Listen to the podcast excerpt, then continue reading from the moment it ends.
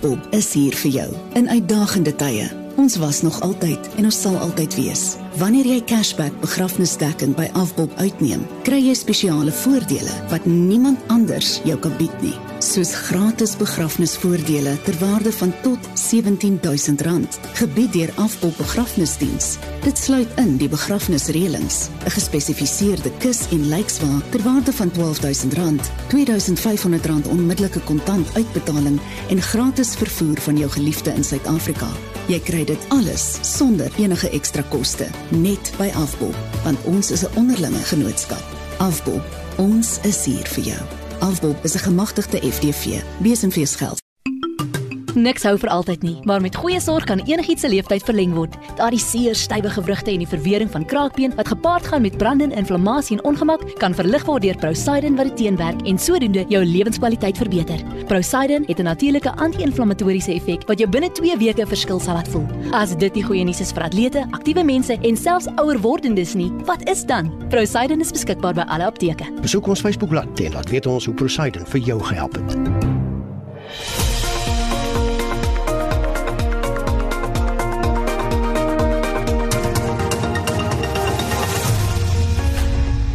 14 oor 6. Dankie dat jy saam luister hier na Monitor op RSG en ons kyk na 'n oorsig oor vanoggend se nuus in die koerant voorblaai hier in die land vanmôre.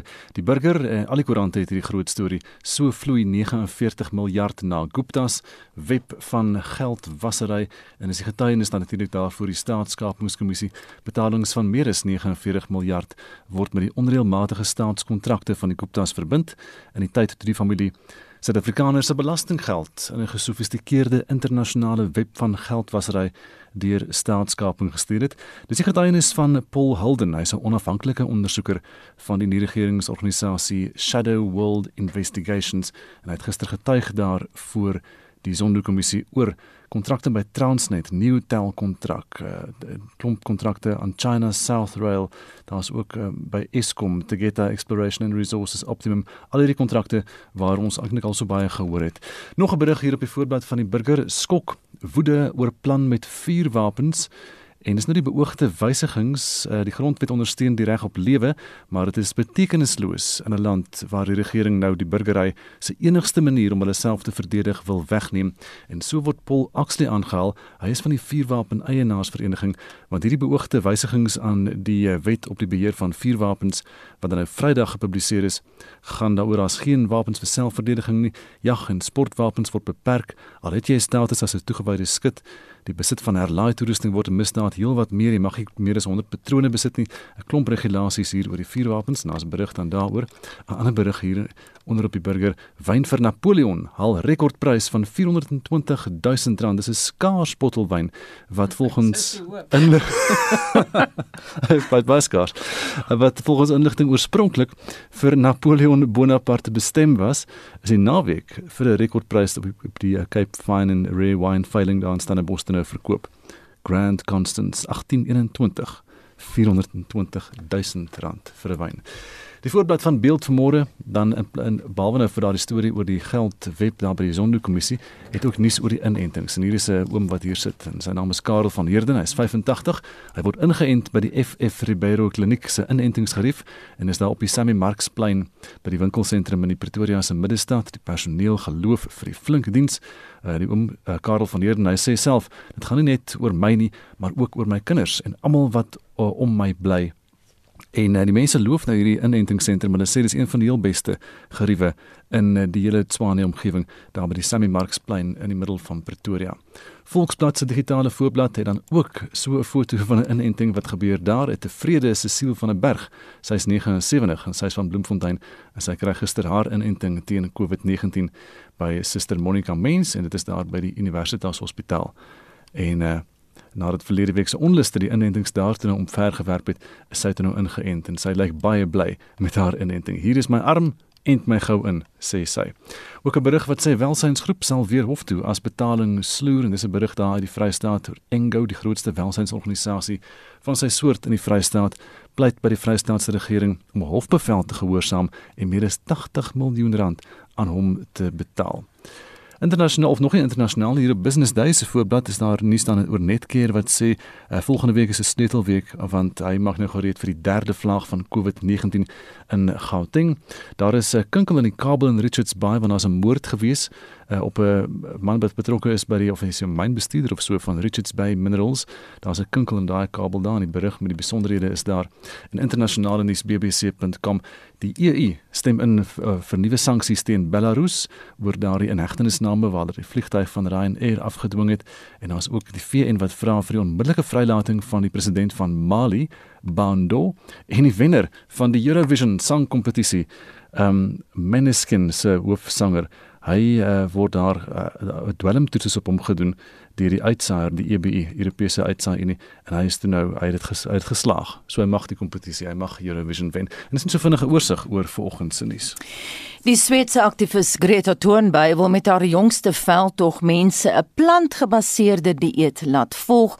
Sy wil almal ooreed om minder koolstof vry te stel, siektes te verminder en diere beter te behandel. Nou sy sê in 'n video dat omdat COVID-19 volgens aanduidings van diere kom, dit ook veiliger vir ons almal sal wees. Ons wil veraloggend weet, wat dink jy van so 'n veldtog? Ons wil ook by vegetariërs en veganiste hoor hoekom hulle die besluit geneem het om daai rigting te volg. Nou vir die wat nie weet nie, vegetariërs eet nie rooi vleis, hoender of vis nie, terwyl veganiste dit nou verder voer, hulle eet geen dierprodukte nie. Met ander woorde, geen eiers, heuning, leergoedere en wol eet of gebruik hulle nie. En ek sien ver oggend Gustaf dat 11 Madison Park, dis een van die beroemdste restaurante in Manhattan, 'n uh, vleisrestaurant, baie ja. bekend ja. vir hulle vleis. Ek het nogal daar geëet. Dis nogal uh, uh baie baie beroemd, baie bekend en hulle het nou gesê nee, geen vleis meer daar nie. Niks. Hulle gaan niks, hulle gaan nou vegetariërs uh vegetariese disse disse aanbied, maar hulle gaan nie soos wat ons nou gesê het veganisties nie. Met ander woorde, jy kan nog jou roereiertjie kry. Jy kan jou roereier kry, jy kan heuning en melk kry vir jou koffie ah, ah, en ja. jou tee. Seker amandelmelk dan. Seker. Stuur vir ons 'n SMS laat weet ons wat dink jy, dis nou na 45889.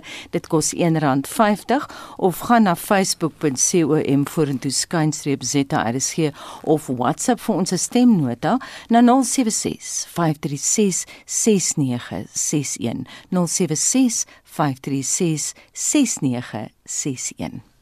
20 minute oor 6 uur by Monitor nou mense na aan die minister van gesondheid Zweli Mkhize en ander derde partye het na bewering sowat 90 miljoen rand uh, se verdagte betalings in hulle sakke gesteek. Nou die skokkende beweringe wat kan dui op die grootste COVID-19 bedrog nog is sopas onthul deur Pieter Louw Meiburg, hy's 'n ondersoekende joernalis by Daily Maverick en hy skrywer van Gangster State en ons praat vanoggend met hom Pieter Louw, goeiemôre. Môre Gustaf. Wat is jou vernaamste uh, bevindinge in hierdie saak?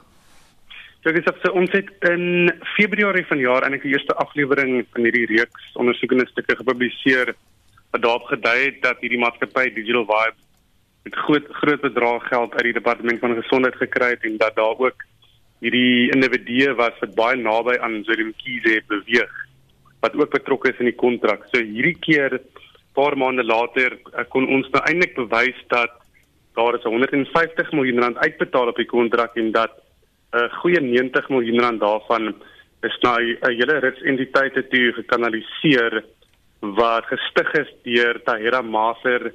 Dit is Mkhize se voormalige persoonlike woordvoerder en dan ook Nadira Mita wat sy persoonlike assistent was uh, by die departement van gesondheid en voor dit by die dep departement van samewerkende regering en nie net dit ehm um, ons vir die geldvloei bewys nie maar dit dui 'n uh, uh, blyk ook dat die maatskappy hierdie departement groot bedrag geld ehm um, ehm um, gevra vir funksies wat eintlik maar binne in die departement moes gebeur het. En dit sluit in dinge soos om Mkhize se skedule te organiseer en sy sy media uh verklaringe ensovoorts wat verband hou met met die departement se bestuur van die COVID-19 pandemie. So eintlik maar 'n staatsamptenaar se werkbasis en dit klink soos mense wat hy dan definitief persoonlik moes geken het. Hy moes tog geweet het wat aangaan het. Hy het hy gereageer op jou navraag. In hierdie stadium is die die reaksie maar baie vaag geweest. So hulle het nie direk op my navraag hierdie stuk gepubliseer nie, maar gisteraand redelik laat hierdie departement na gister se drama se na die publikasie van ons stuk het hulle toe 'n verklaring uitgereik en hulle sê maar in hierdie stadium dat die ondersoek uh, duur voort is natuurlik die een van die spesiale ondersoekeenheid en dan het die, die departement ook in Februarie of na ons stuk in Februarie 'n uh, interne ondersoek gelas dat die beweringe eers gepubliseer is. So die departement vra in hierdie stadium of dui aan dat die minister en die departement nie sal kommentaar lewer totdat hierdie ondersoeke voltooi is nie. En hierdie ander mense wat be, wat betrek word by die skandaal het nou hulle name genoem, het hulle enigstens gereageer? Dit was ook maar bitter min reaksie van van die meeste van die partye wat betrokke is. Daar's 'n 'n hele ruk rits individue wat hier betrek word en die meeste van hulle het maar eintlik die, die navraag gereageer en lyk nie lus om die kwessie regtig te bespreek nie. Jy het nou gepraat oor die spesiale ondersoekeenheid en 'n mens moet sê dit moet dalk positief wees dan dat uh, advokaat Mutibi daar van die SOE reeds gister ontvangs van die beweringe teen minister Mkhize erken het en dat hy aangekondig het dat 'n ondersoek gaan volg en dat die nodige aksie geneem sal word. Ja, ek weet die ehm um, spesiale ondersoekeenheid is al 'n bietjie verby daardie punt. Ehm um, hulle het eintlik al amptelik afgeskop met hulle ondersoek. Ek dink sedert Februarie is hulle al amptelik besig met hulle met hulle werk. Hulle het onlangs aangedui dat die die ondersoek vorder, maar hulle is in hierdie stadium ook ehm um, nie bereid om meer besonderhede as dit beskikbaar te stel nie.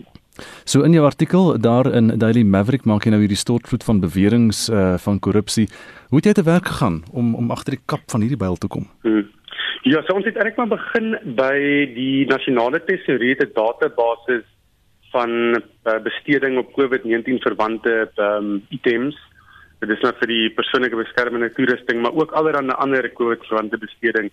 En dit is in daardie is absolute 'n warboel van inligting. Dit is 'n baie die mekaar datastel, maar ek het hier afgekom op hierdie maatskappy Digital Vibes wat onder die departement van gesondheid gelys is as een van die grootste beginsigte van geld en ek het maar van daar af die uh, maatskappy maar net deeglik begin bekyk in die maatskappy records en toe het dit al hoe ehm um, met die tyd al hoe duideliker geword dat dit baie nou verbind is aan hierdie individue wat wat baie naby aan Mkhize geloop het die laaste paar jaar.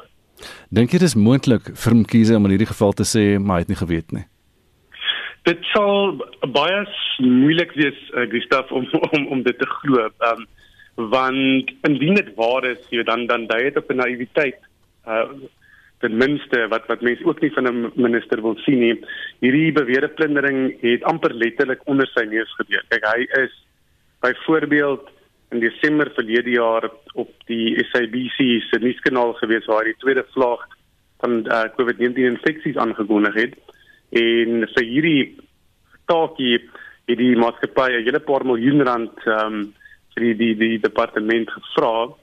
So dit is uiteraard maar um, jy weet eintlik 'n monetisering van die departement se eie uh, werkgewers se funksies. Dit moes nie gebeur het nie en dit het uh, reg onder die minister se neus gebeur en dis nie die enigste voorbeeld daarvan nie. Sy sy hele COVID-19 skedule amper is gemonetiseer en het tot groot betalings aan digital vibes gelei. So dit lyk onwaarskynlik of hy sal kan pleit dat hy geensins bewus van bewus was van sy beweerde meelopers se se dade nie. Pieter Louw baie dankie. Pieter Louw Meiburg is 'n ondersoekende joernalis by Daily Maverick en hy skrywer van Gangster State. Terug na een van ons ander hoofstories, sommige oppositiepartye het reeds begin steenwerf teen die wysigingswetsontwerp op vuurwapens. Hulle sê dit ontneem burgers die reg om hulle self te beveilig. Volgens die wetsontwerp wat vir openbare kommentaar beskikbaar is, moet die selfverdedigingsklausule verwyder word as 'n rede om 'n vuurwapen te besit. Zelin Merrington het meer. Die wysigingswetsontwerp beoog onder meer die opheffing van die aansoek vir 'n bevoegdheidssertifikaat waar 'n tussentydse beskermingsbevel teen die aansoeker uitgereik is in terme van die Wet op Huishoudelike Geweld. Dit beoog ook voorskrifte vir die uitreiking van 'n lisensie vir jag of skiet as sportaktiwiteit. Maar dis die voorsiening dat geen vuurwapenlisensies uitgereik sal word nie waar selfverdediging as rede aangevoer word wat die hare laat reis. Politieke partye is van diegene wat hieroor ongelukkig is. Die leier van die Vryheidsfront Plus, Pieter Groenewald en DALP, Andrew Whitfield, verduidelik. Die voorstel in die wysigingswetsontwerp op vuurwapens om die kategorie om 'n vuurwapen te besit vir selfverdediging te skrap, sal die burgers van Suid-Afrika kwesbaar laat en sal 'n paradys skep vir misdadigers. Misdaad in Suid-Afrika is geweldig hoog. Die moordsyfer is 5 keer hoër as die wêreldgemiddeld. En as ons gaan kyk na die toename in rooftogte by woonhuise, wek dit kommer. Elkeen het die reg om hom of haarself te beskerm, asook sy familie en sy gesin. Die polisie kan dit nie doen nie. En daarom is dit noodsaaklik dat mense wel die reg kan hê om 'n vuurwapen te besit om hulle teen hierdie en misdadigers te kan beskerm. We believe that every single South African should have the right to choose how they want to defend themselves within the law. Our lives and livelihoods are under daily attack by violent criminals who seem to be given more and more license to commit crime in South Africa under a crippled South African Police Service. The recent budget cuts for the South African Police Service, together with the increase for VIP protection in the budget, is a sign that the ANC government's prioritisation is completely skewed. We need to be making it easier for South Africans to keep themselves safe, not more difficult for them to keep themselves safe. We believe that self defence is the last line of defence for millions of South Africans in our country. Hulle sentiment word gedeel deur die ACDP se hoofsweep, Steve Swart. Die ACDP is diep besorgd oor die beoogde wysiging om selfverdediging as 'n rede vir die bekom en besit van vuurwapens te verwyder. Ons het baie hoë vlakke van misdaad in ons gemeenskappe en wetsgehoorsame burgers het die reg om onsself en hul families te beskerm. Die regering moet baie meer aandag aan die bestryding van misdaad te gee eerder as om wetsgehoorsame burgers te ontwapen. Die ACDP sal hierdie sinnelose wetswysiging ten sterkste opneer in die parlement. Die verwikkeling is kommerwekkend vir die Suid-Afrikaanse geweereienaars-vereniging. Hul woordvoerder John Welsh meen dis 'n fundamentele reg om jouself te kan beskerm. The armed citizen is in our view the first responder to crime. because the police cannot be that. This means she or he must be competent and armed. We can safely assume that the police and the president and the minister's bodyguards, which they have in abundance, will not be disarmed. The private citizens is in this regard his own bodyguard and A private citizen should therefore have the right, the means, and the ability to defend him or herself sufficiently. Gun Free South Africa sê alhoewel hulle minder vuurwapens in sirkulasie ondersteun, sal hulle eers later volledig kommentaar lewer. Pogings om reaksie te kry van die polisie was onsuksesvol. Zelin Merrington, Parlement. Is dit wat sê ons luisteraars, gaan hulle vleis los?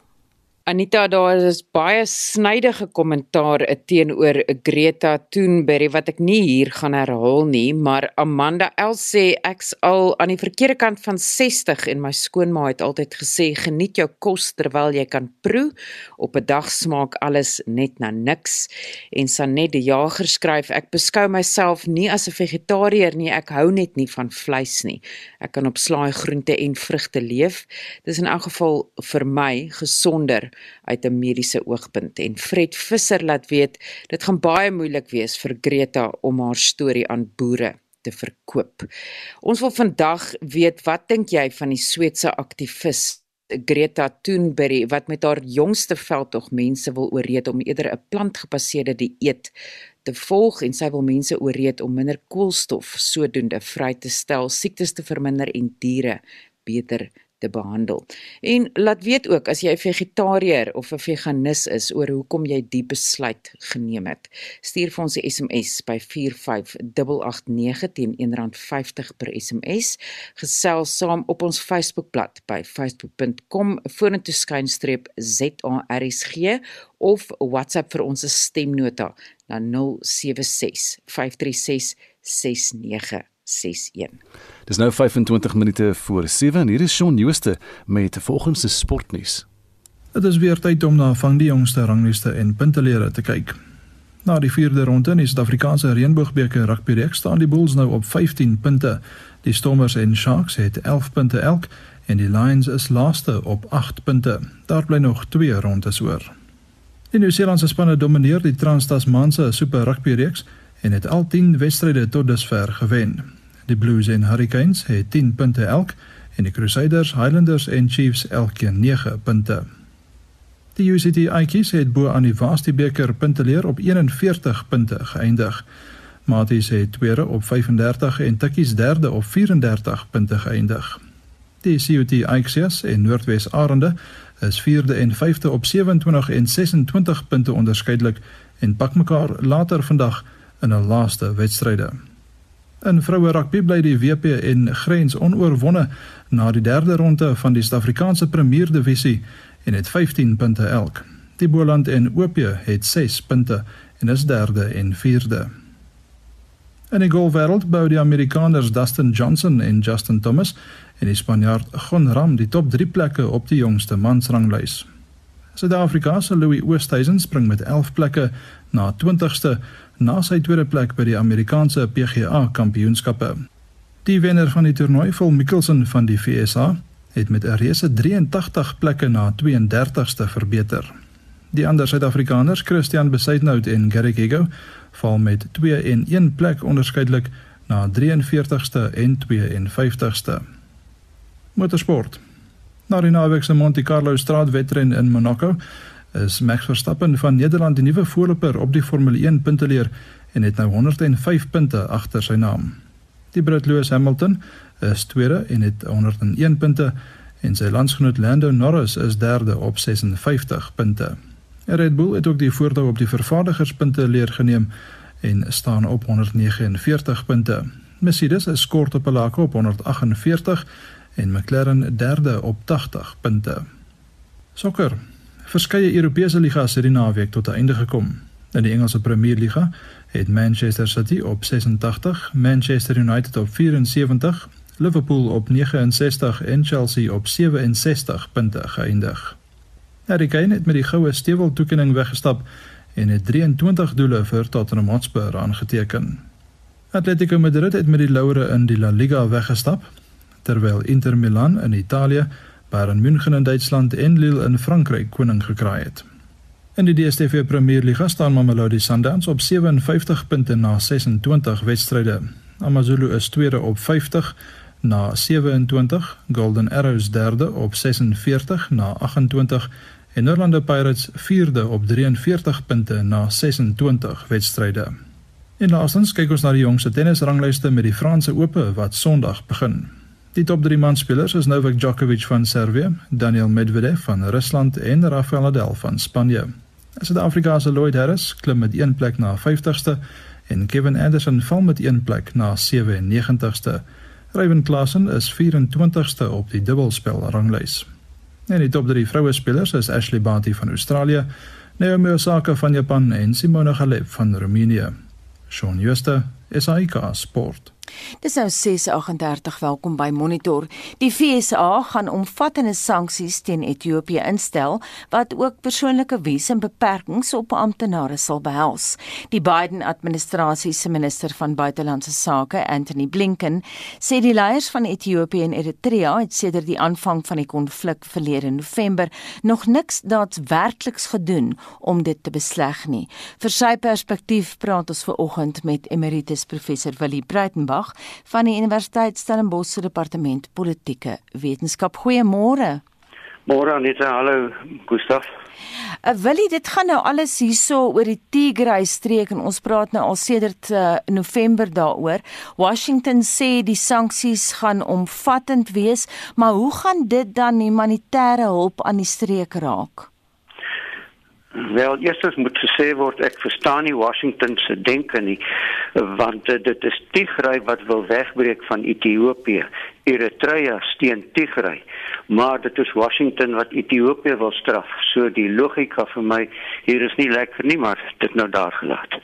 Nou einde Maart het jy en ek gefokus op die goeie nuus dat Eritrea ingestem het om sy troepe uit die Tigray streek te onttrek. Dis nou na gesprekke tussen president Isaias Afwerki en premier Abiy Ahmed. Wat het daarna skeef geloop? Uh hierdie is nie net beperk tot slegs af 'n werkie wat die president van Eritrea is nie. Uh en Ahmed is die premier van Ethiopië nie. Uh dit daar is nog 'n ander rolspeler ook en dit is die Tigriese rebelle wat ook betrek sou moes word as daar na blywende vrede gesoek word. En 'n mens kan tog nie praat oor vrede uh, as jy een van die groot rolspelers in die konfliksituasie uitlaat nie. Vertel ons 'n bietjie van die Tigray Liberation Movement. Hoekom wil hulle hulle vryheid hê? Wel, dit is 'n navolging van die buur provinsie Eritrea. Uh, Ethiopië bestaan uit 9 provinsies uit.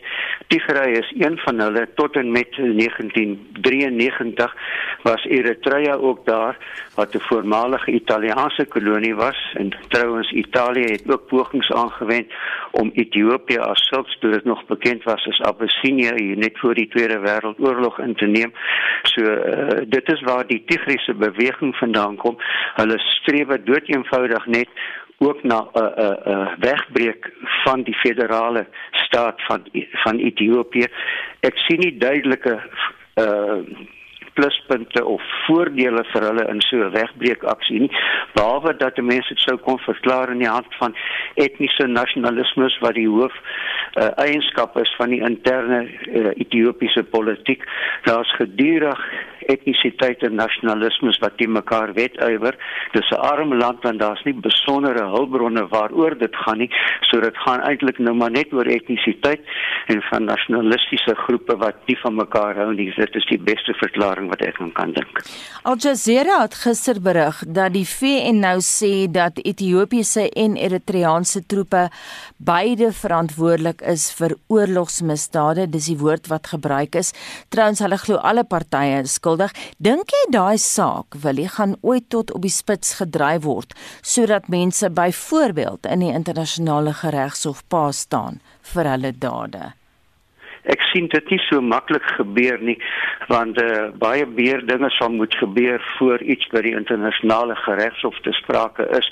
Mens weet sake wat tans byvoorbeeld voor die geregshof dien is goed wat al 14, 15 jaar gelede gebeur het en uh, mense het nie so lank tyd uh, beskikbaar om te wag dat uh, hier interne uh, oplossings moet kom of dat oorlogsmisdade behoorlik aangeteken kan word nie.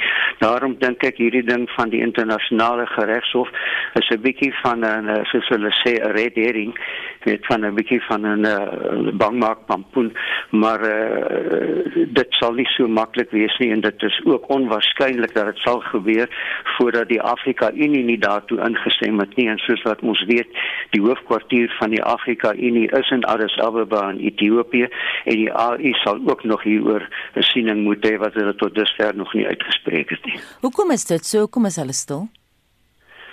Ek weet nie eh uh, die probleem is waarskynlik nog nie ryp genoeg nie. Dit is iets wat eh uh, van tyd tot tyd na vore kom en die Tigriese eh uh, strewe om hulle self te bevry het waarskynlik na 1993 gekom toe Eritrea suksesvol afgestig het en hulle wil dieselfde pad loop as as uh, Eritrea. In die geval van Eritrea kan ons dit verstaan want hulle grens aan die Rooi See op daardie baie belangrike olieroete, maar in die geval van Tigray uh die enigste pluspunt wat hulle betref is dat die Blou Nyl daar ontstaan en dit is 'n baie belangrike bron van water in daardie gedeelte van die wêreld waar water baie skaars is. Wil die VN ondersoek ook nou die saak onder leiding van die baie bekwame voormalige president van Chili Michelle Bachelet. Hoe ver is daar al met daardie ondersoek gevorder? Uh, nou die beste vir my wete nog nie ver daarmee gevorder nie. Haar naam word dikwels genoem. Sy kom van Chili af, maar 'n mens wonder wat sy besondere kennis het sy van Afrika omstandighede, spesifiek van wat in die horinggebied van Afrika gebeur. Juist waar hierdie konflik nou plaasvind waar die bure Somalië is en Sudan is en wat uh, self geweldig baie probleme het. Die enigste stabiele land in die streek waarskynlik is Kenia wat heel aan die suide lê. Uh, maar hoe, sy uh, Michelle Bachelet dink sy gaan 'n 'n groot oplossing bring is nie vir my seker nie. Uh byvoorbeeld byvoorbeeld uh, ek sou dink dat die Palestynse probleme in Gaza en die Wesbank of selfs Cabo Delgado in in Mosambiek dit is sake waaraan die internasionale regshof ook groot aandag aan skenk en dit sal waarskynlik eers op die lys kom voordat die kwessie van Tigray ter sprake sal kom. Baie dankie dit dan die mening van emeritus professor Willie Breitenberg van die Universiteit Stellenbosch se departement politieke wetenskap. Dis nou so 14 minute voor dit kom by 7 uur jy's ingeskakel hier by Monitor op RSG. Nou COVID-19 het aanvanklik stadig deur Afrika versprei, maar met net meer as 'n jaar van die pandemie sê baie Afrikane dat dit 'n vernietigende effek op hulle lewens het. Dit was die bevinding van Ipsos se jongste navorsing en ons praat veraloggend hieroor met die direkteur van Ipsos, Marie Harris. Marie, goeiemôre. Goeiemôre, Gustaf. So wat is die, die vernaamste probleme waarmee inwoners van Afrika sukkel nou tydens die pandemie? Ek dink die vernaamste probleme, daar's eintlik 'n hele lot, maar uh die groot kwessies vir Afrikaners is regtig dat uh omtrent 3 kwart van hulle minder inkomste het as wat hulle voor die pandemie gehad het en dit gee natuurlik aanleiding tot 'n baie groot probleem om voedsel te bekom. Ehm um, baie van hulle wel drie kwart van hulle sê dat dit vir hulle baie moeilik is om kos in die hande te kry. Die ander groot probleem is ehm um, toegang tot tot gesondheid. En uh van Afrika se inwoners sê 43% van hulle dat hulle nie die medikasie gekry het wat hulle benodig het nie. Dit is ook vir hulle baie moeilik om by klinieke of hospitale uit te kom en uh baie van hulle mis hulle medikasie sedert die pandemie begin het en 42% het gesê hulle het nie by 'n dokter wat hulle nodig gehad het uitgekom nie sedert verlede November. So dit het nog 'n baie groot invloed op mense se lewens en hulle lewensomstandighede. Wat is uh, die Afrikaners houding, jy weet teenoor maskers, die sosiale afstande en jou hande gereeld met water en seep was of saniteer en so aan? Gehoorsaam hulle daardie basiese dinge? Wel, Ja, ehm um, ek dink baie mense dink dit is baie eenvoudige boodskap, maar ehm um, ons het vir ehm um, gevra of mense maskers dra gereeld as hulle in die teenwoordigheid van ander mense is. En tweederde sê dat hulle wel maskers dra. Wat bekommerenswaardig is, is dat die twee lande in Afrika met die meeste mense, Nigerië en Ethiopië, die eintlik van die slegste maskerdraers is. Net so 'n bietjie meer as 50% in al twee hierdie lande dra hulle maskers as hulle in kontak met ander mense. Maar die land wat die uh, swakste vertoning lewer hierso is Kameroen.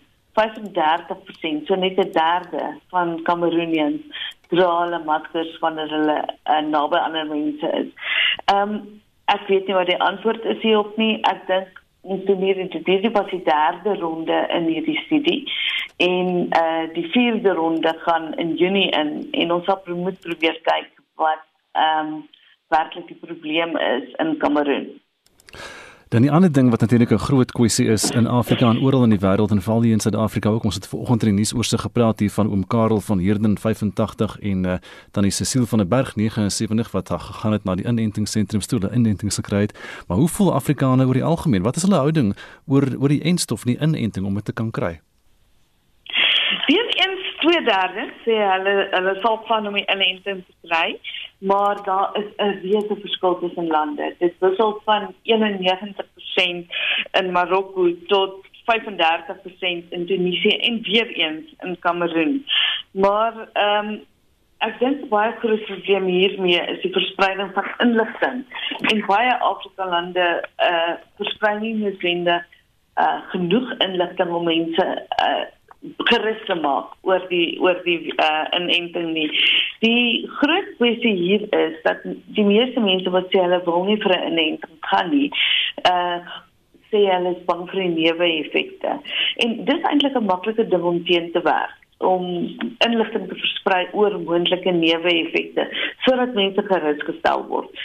Wat ons wel gesien het in ander lande soos in die VSA en ook in die Verenigde Koninkryk, is dat sodra inentings beskikbaar is en daar groter hoeveelheid mense ingeënt word, dan raak die algemene publiek baie meer rustiger oor inentings en daar word meer van hulle ingeënt of daar hulle is meer bereid om ingeënt te word. Ons moet sien of dit ook waar is in in Afrika waar daar 'n baie groot probleem is met die voorsiening van inentings. Baie min lande in Afrika het reeds met inentings begin. Ek moet dalk ook net sê in Suid-Afrika is dit 61% wat in Februarie gesê dat hulle wel sal gaan vir 'n inenting.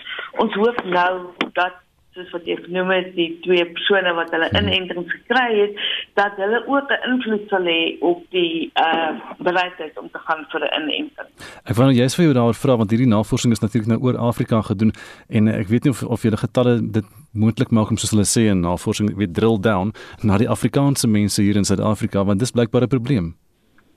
Ja, ek weet die uh studie wat deur ehm um, Netscram gedoen is, wat hmm. natuurlik 'n baie groter steekproef gehad het in Suid-Afrika spesifiek. Het gesê veral Afrikaanse mense in die Noord-Kaap en in die Wes-Kaap is ehm um, huiwerig om ingeënt te word. So ek dink regtig dit is 'n groot probleem ten opsigte van inligting en die regte inligting. Daar is baie stories en vals nuus op sosiale media, maar regtig mense moet gaan uh lees wat die wêreldgesondheidsorganisasie sê uh en hulle self ehm um, inlig. Hmm. Ek dink ons het almal 'n verantwoordelikheid om inligting te soek oor hierdie uh virus en as dit nie kan nie, dan glo dan of of vind uit van amptelike bronne soos die regering of die departement gesondheid.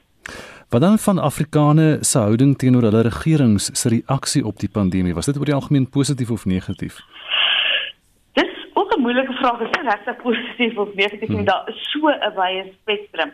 Byvoorbeeld in Marokko waar ek vroeër genoem het dat 91% van mense wil ingeënt word, 88% dink hulle regering ehm um, doen goed.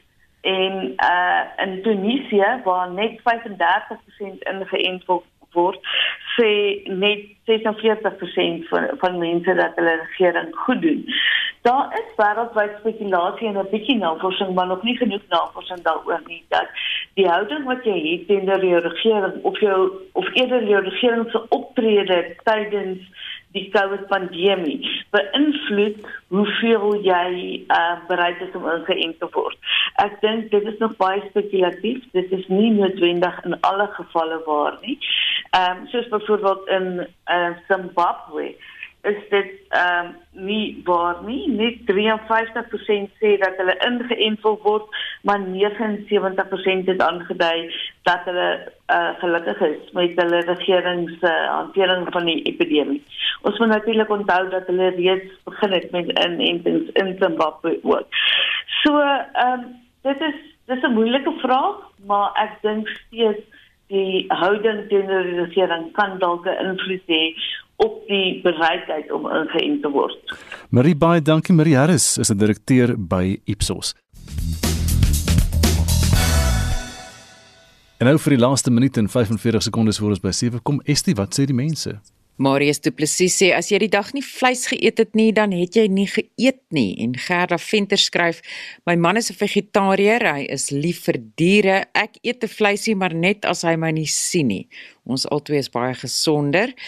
En Gerda sê ek sal nie 'n vleiseter beledig of my opinie op enige iemand afdwing nie. En Janie Erasmus laat weet my liefde vir diere het oorgeneem of Janie Erasmus eerder my liefde vir diere het oorgeneem en ek kan nie vleis eet nie. Ek sien nie 'n stuk vleis raak nie, maar ek sien die dier. Ek weet dis alles in my kop, maar dis nou maar so. En Hugo Rapid sê die probleem is nie diere of wat ons eet nie, kyk eerder na die opwekking van elektrisiteit deur steenkool en brandstof wat deur vliegtye gebruik word.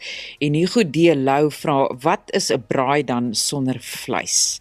Maggie van Henley aan Klip sê ek was 15 jaar oud in 1968 en altyd baie lief vir diere, maar ek het besef dat ek hierdie selfde diere eet en het besluit om vegetaries te word. Ek eet sedertdien niks met oë nie.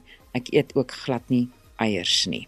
Laat weet vir ons hoekom jy vegetaries of dalk 'n veganis geword het en wat jy dink van die Sweedse aktivis eh, Greta Thunberg se jongste veldtog om eerder mense aan te raai om 'n plantgebaseerde dieet te volg en sy wil mense so aanraai om minder koolstof in die atmosfeer vry te stel, siektes te verminder en ook diere beter te behandel.